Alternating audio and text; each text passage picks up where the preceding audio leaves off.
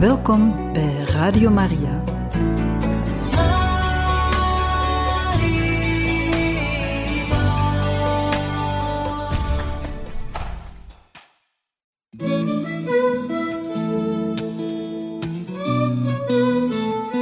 De kerk spreekt. De zorg van een moeder door de eeuwen heen. Een programma van Radio Maria.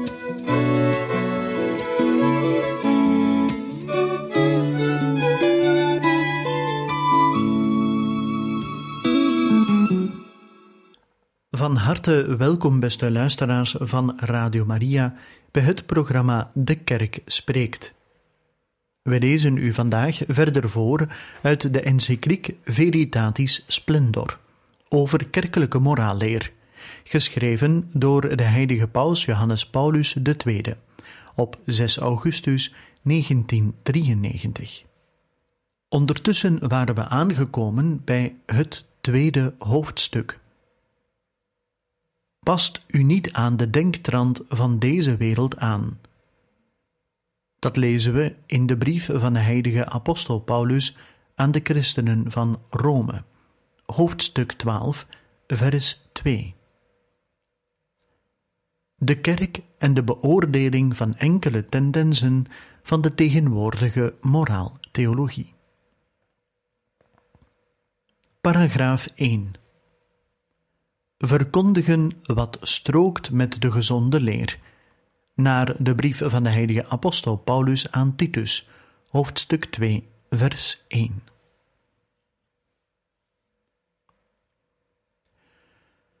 De beschouwing van het gesprek tussen Jezus en de rijke jongeling maakt het ons mogelijk om de essentiële gegevens van de openbaring van het Oude en het Nieuwe Testament ten aanzien van het zedelijk handelen op een rij te zetten. Dit zijn de onderschikking van de mens en zijn handelen aan God, aan Hem die alleen goed is. De samenhang tussen het zedelijk goede van de menselijke handelingen en het eeuwige leven de navolging van Christus, die voor de mens de perspectieven van de volkomen liefde opent. En tenslotte de gave van de Heilige Geest als bron en oorsprong van het zedelijk leven van de nieuwe schepping.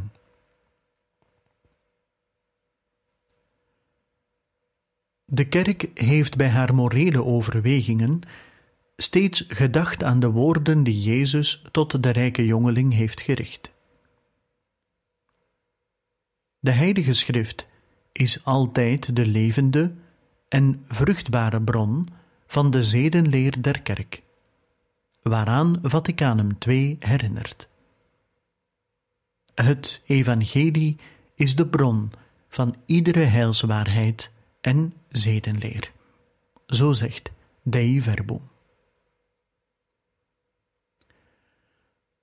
Getrouw bewaarde ze wat het woord van God niet alleen ten aanzien van de geloofswaarheden, maar ook wat het ten aanzien van het zedelijk handelen leert. Dat we zeggen, het handelen dat aan God bevalt. Daardoor bereikt zij een verdere ontwikkeling in de leer, analoog aan die op het gebied van de geloofswaarheden.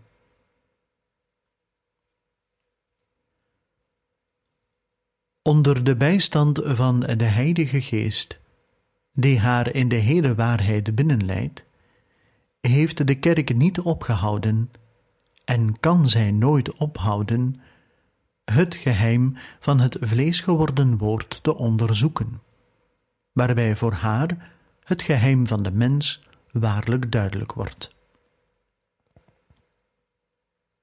Een citaat uit Gaudium et Spes.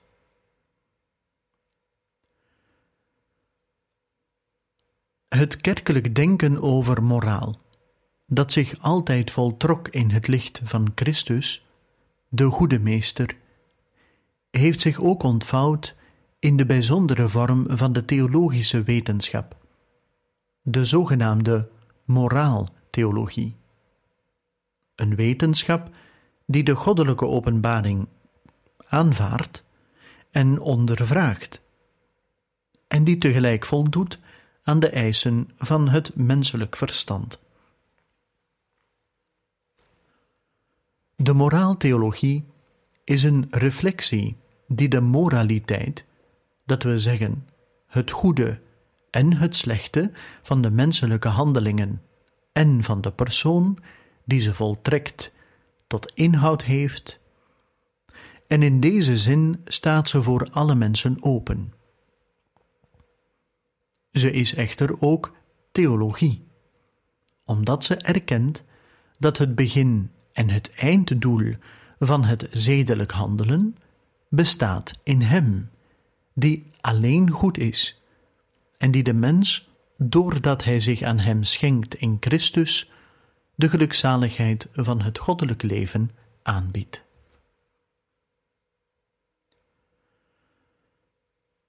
Het Tweede Vaticaans Concilie heeft de wetenschappers opgeroepen tot bijzondere zorg voor de vervolmaking van de moraaltheologie, die, rijker gevoed uit de leer van de schrift, in wetenschappelijke presentatie de verhevenheid van de roeping der gelovigen in Christus en hun verplichting om in de liefde vrucht te dragen voor het leven van de wereld moet verhelderen. Zo lezen we in Optatam Totius Ecclesiae.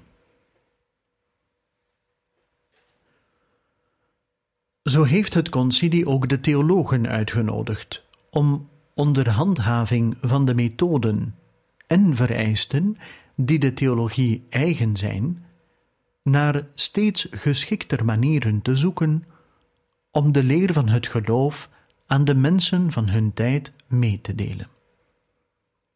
Want het geloofsgoed zelf, dat we zeggen de geloofswaarheden, mag niet verwisseld worden met hun uitdrukkingswijze, ook wanneer deze altijd dezelfde betekenis en inhoud heeft. Vandaar dat alle gelovigen worden uitgenodigd, maar met name de theologen. De gelovigen moeten dus in nauwste verbinding met de andere mensen van hun tijd leven en zich moeite geven om hun denk- en oordeelswijze, die in de geestescultuur tot uitdrukking komen, volledig te verstaan. Respectievelijk citaten uit Gaudium et Spes. De inspanning van veel theologen die zich door de bemoediging van het concilie gesterkt voelden, heeft reeds vruchten afgeworpen in opmerkelijke en nuttige reflecties over geloofswaarheden, die men moet geloven en in het leven toepassen, en die door hen in een aan het gevoelen en de vragen van de mensen van onze tijd aangepaste vorm aangeboden worden. De kerk en in het bijzonder de bisschoppen, aan wie Jezus Christus vooral de dienst van de leer heeft toevertrouwd, nemen deze inspanning dankbaar aan en moedigen de theologen aan om verder te werken, bezield door een diepe, echte vreze des Heren, die het begin der kennis is.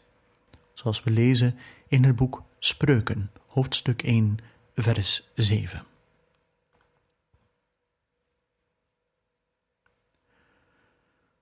Tegelijk zijn in het kader van de postconciliaire theologische discussies echter enkele interpretaties van de christelijke moraal ontstaan, die onverenigbaar zijn met de gezonde leer, waarover sprake in de tweede brief van de heilige apostel Paulus aan Timotheus, hoofdstuk 4, vers 3. Het is zeker niet de bedoeling van het leergezag van de kerk om aan de gelovigen een bijzonder theologisch en al helemaal niet een filosofisch systeem op te leggen, maar om het woord van God heilig te bewaren en getrouw uit te leggen, is het verplicht om de onverenigbaarheid van bepaalde richtingen van het theologische denken of van bepaalde filosofische uitspraken met de geopenbaarde waarheid bekend te maken.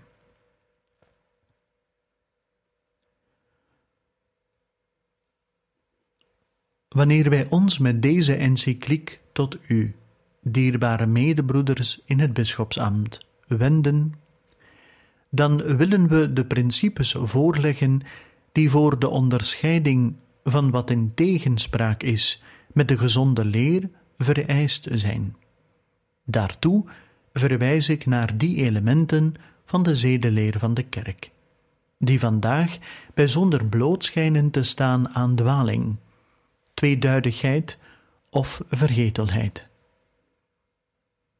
Dat zijn overigens die elementen waarvan het antwoord op de onopgeloste raadsels van het menselijk bestaan afhangt, die sinds onheugelijke tijden de harten der mensen ten diepste beroeren. Wat is de mens? Wat is zin en doel van ons leven? Wat is het goede? Wat de zonde? Waar komt het leed vandaan en welke zin heeft het?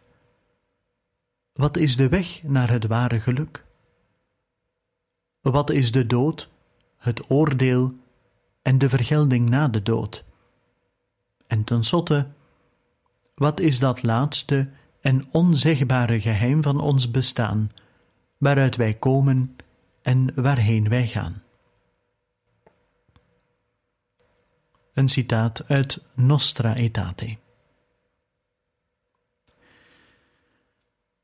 Deze en andere vragen, bijvoorbeeld: wat is de vrijheid?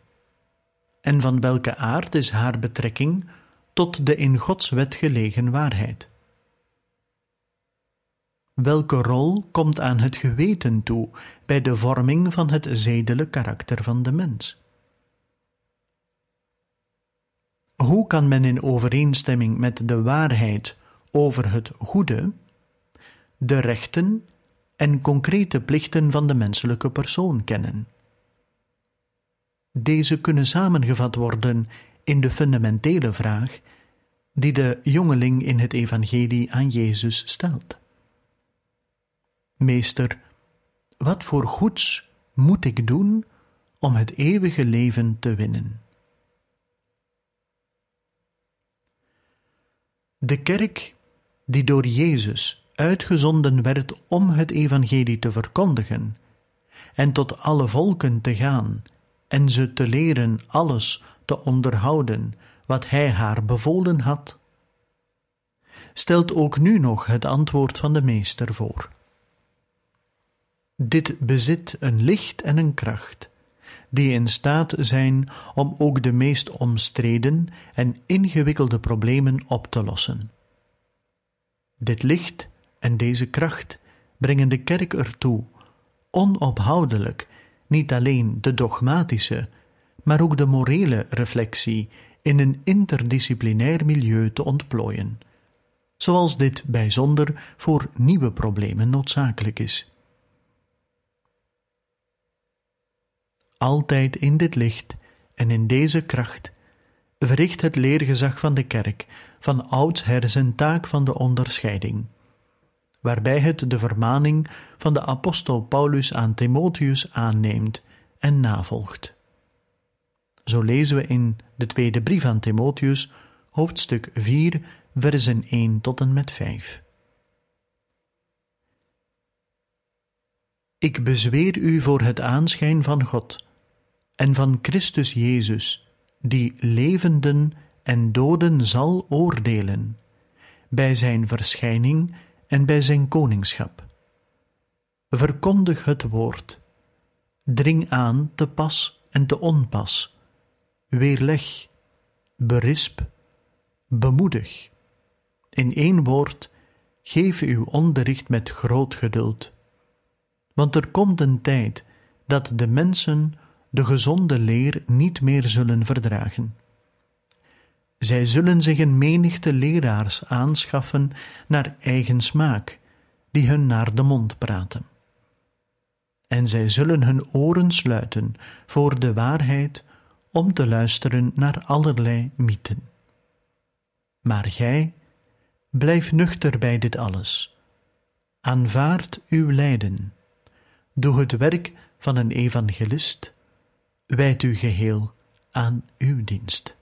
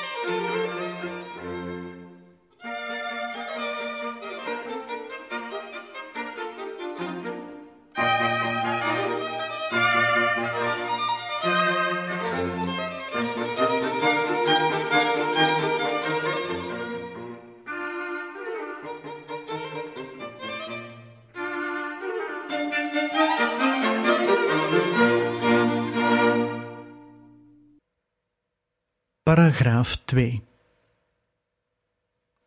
Dan zult u de waarheid kennen, en de waarheid zal u vrijmaken. Het Evangelie volgens de heilige Johannes, hoofdstuk 8, vers 32.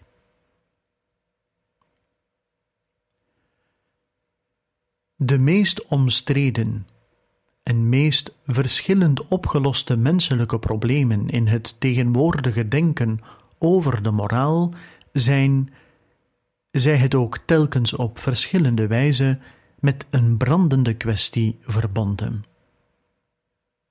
De vrijheid van de mens. Ongetwijfeld heeft onze tijd een bijzonder attent zintuig voor vrijheid ontwikkeld. Van de waarde van de menselijke persoon worden de mensen van onze tijd zich steeds meer bewust, stelde reeds de concilieverklaring over de godsdienstvrijheid Dignitatis Humanae vast. Vandaar dat de mensen er aanspraak op maken, dat zij bij hun handelen hun eigen oordeel en een verantwoordelijke vrijheid bezitten en daarvan gebruik moeten maken. Niet onder dwang, maar door plichtsbesef geleid. Speciaal het recht op godsdienst en gewetensvrijheid op de weg naar waarheid wordt steeds meer als fundament van de rechten van de menselijke persoon in hun gezamenlijkheid gezien opgevat.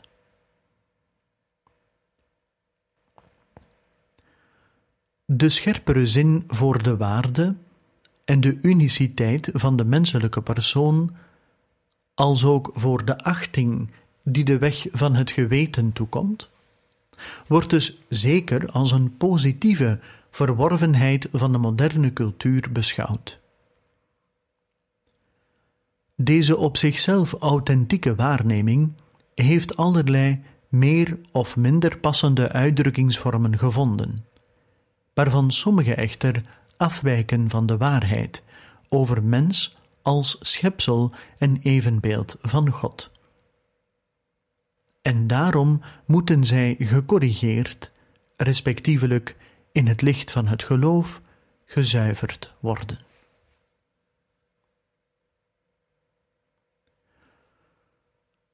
Zo is men in sommige moderne denkstromingen ertoe gekomen dat men de vrijheid zozeer verheerlijkt dat men haar tot een absolutum maakt, dat de bron van alle waarden zou zijn.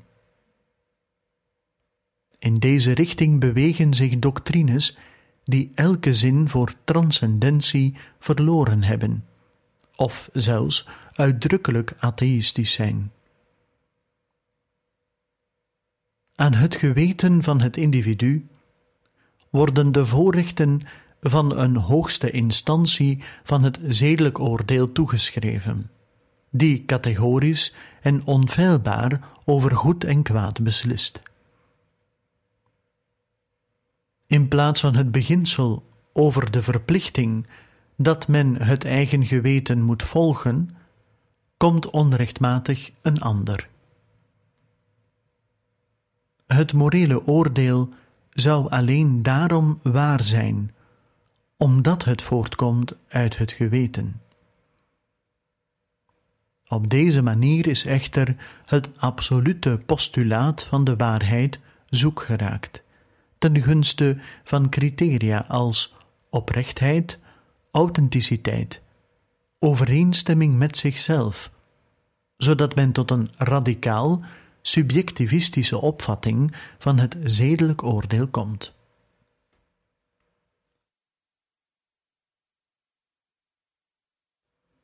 Zoals meteen en duidelijk zichtbaar is, hoort bij deze ontwikkeling de crisis omtrent de waarheid. Nadat de idee van een voor het menselijk verstand kenbare universele waarheid over het goede verloren was gegaan, is onvermijdelijk ook het begrip van het geweten veranderd. Het geweten wordt niet meer in zijn oorspronkelijke staat gezien, dat wil zeggen, als een handeling van het inzicht van de persoon, wiens taak het is om de algemene kennis van het goede op een bepaalde situatie toe te passen en zo een oordeel te vellen over het juiste, hier en nu te kiezen gedrag. Men kwam ertoe aan het geweten van het individu het voorrecht te verlenen om de criteria voor goed en kwaad autonoom vast te leggen en dienovereenkomstig te handelen. Deze visie is niets anders dan een individualistische ethiek, op grond waarvan ieder zich geconfronteerd ziet met zijn waarheid, die van de waarheid van de anderen verschillend is. In zijn uiterste consequenties loopt het individualisme uit op de ontkenning zelfs van de idee van een menselijke natuur.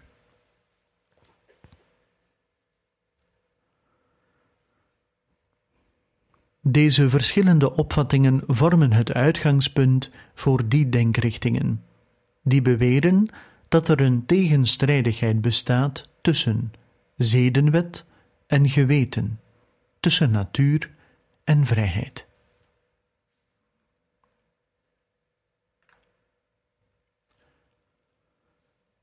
Parallel met de verheerlijking van de vrijheid, en paradoxaal genoeg in tegenspraak daarmee, trekt de moderne cultuur dezelfde vrijheid radicaal in twijfel. Een rij van wetenschappelijke disciplines die onder de naam menswetenschappen samengevat worden, heeft terecht de aandacht gericht op de psychologische en maatschappelijke conditioneringen die het beleven van de menselijke vrijheid moeilijk maken. De kennis van zulke gebondenheden en de aandacht die daaraan geschonken wordt, zijn belangrijke verworvenheden, die op verschillende terreinen van het bestaan, zoals bijvoorbeeld in de pedagogie of in de rechtspraak, toepassing gevonden hebben.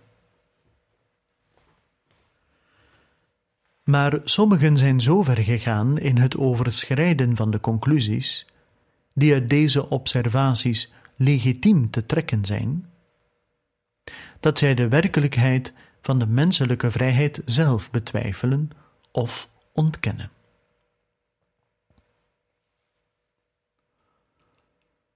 Ook enkele verkeerde verklaringen van het wetenschappelijk onderzoek op antropologisch gebied moet vermeld worden.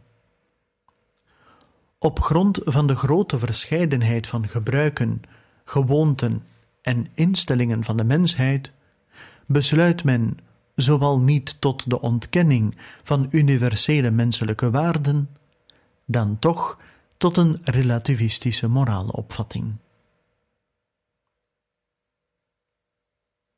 Meester, wat voor goeds moet ik doen om het eeuwige leven te bereiken?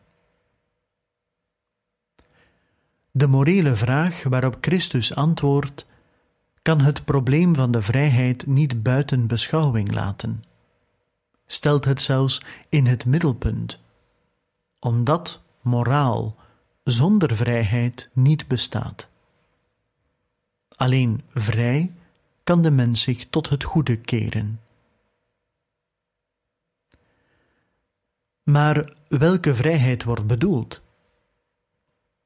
Voor onze tijdgenoten, die de vrijheid hoog achten en er hartstochtelijk naar streven, haar echter vaak op verkeerde manier verdedigen als grond om alles te doen als het maar bevalt, zelfs het kwade, zet het concilie de ware vrijheid al dus uiteen. De ware vrijheid is echter een verheven kenmerk van het beeld van God in de mens. God wilde namelijk de mens aan de macht van de eigen beslissing overlaten, zodat hij zijn schepper uit eigen beslissing zoekt en vrij tot de volle en zalige voleinding in eenheid met God komt.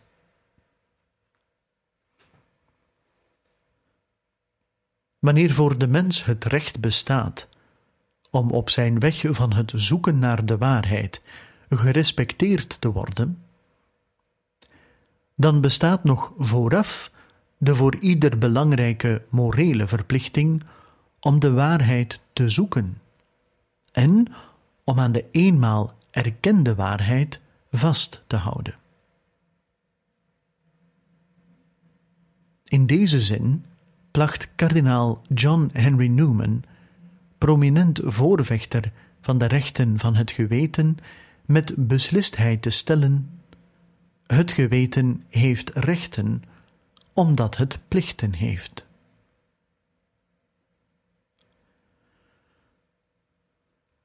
Bepaalde richtingen in de tegenwoordige moraaltheologie interpreteren onder invloed van de hier in herinnering geroepen subjectivistische en individualistische stromingen de verhouding van de vrijheid tot de zedenwet, tot de menselijke natuur en tot het geweten op nieuwe wijze en stellen nieuwsoortige criteria voor de zedelijke waardering van handelingen voor.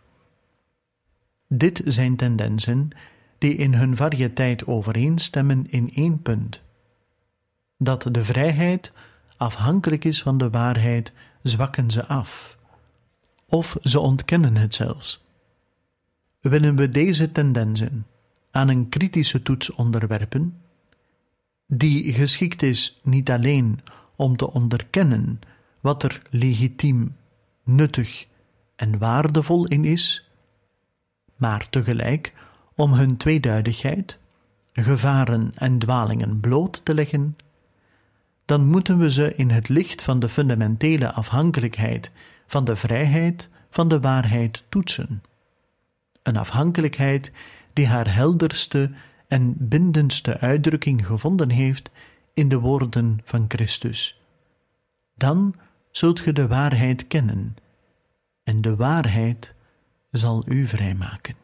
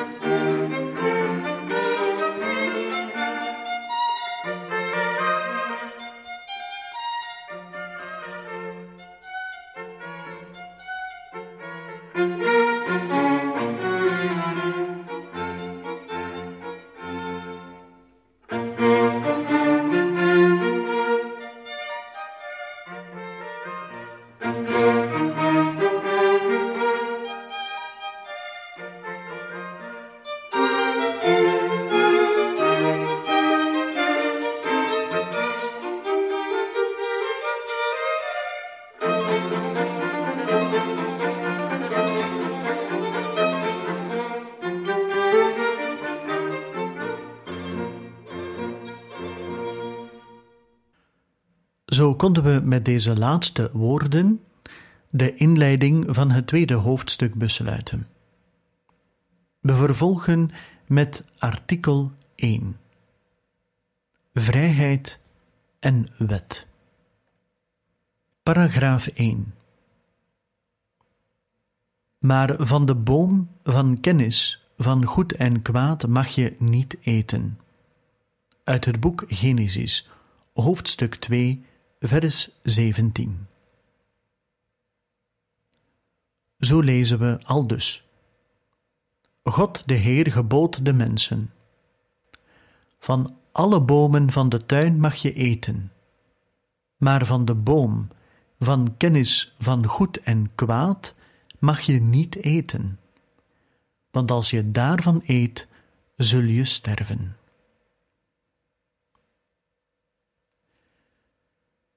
Met dit beeld leert de openbaring ons dat de macht om over goed en kwaad te beslissen niet aan de mens, maar aan God alleen toekomt. Zeker, de mens is vrij, aangezien hij zelf de geboden van God kan kennen en aannemen. En hij is in het bezit van een zeer vergaande vrijheid want hij mag van alle bomen van de tuin eten. Maar het is geen onbegrensde vrijheid. Ze moet halt houden voor de boom van kennis van goed en kwaad, omdat zij ertoe geroepen is de zedenwet die God aan de mensen geeft, aan te nemen. Inderdaad vindt de vrijheid van de mens in deze aanvaarding haar ware en volle verwerkelijking. God, die alleen goed is, weet precies wat voor de mens goed is. En uit kracht van zijn eigen liefde legt hij hem dit voor in de geboden. De wet van God vermindert dus de vrijheid van de mens niet. En nog minder schakelt ze die uit. Integendeel, ze garandeert en bevordert haar. Heel anders echter ontwikkelen enkele van de tegenwoordige culturele stromingen het uitgangspunt van talrijke richtingen in de ethiek, die een verondersteld conflict tussen de vrijheid en de wet in het middelpunt van hun denken plaatsen. Van dien aard zijn de doctrines die aan individuen of aan sociale groepen het vermogen toekennen om over goed en kwaad te beslissen. De menselijke vrijheid zou de waarden kunnen scheppen en zou een primaat over de waarheid bezitten. Ja, de waarheid zou nota bene zelf als een schepping van de vrijheid worden aanzien. Bijgevolg zou deze ook aanspraak maken op zulke morele autonomie, die praktisch haar absolute soevereiniteit zou betekenen.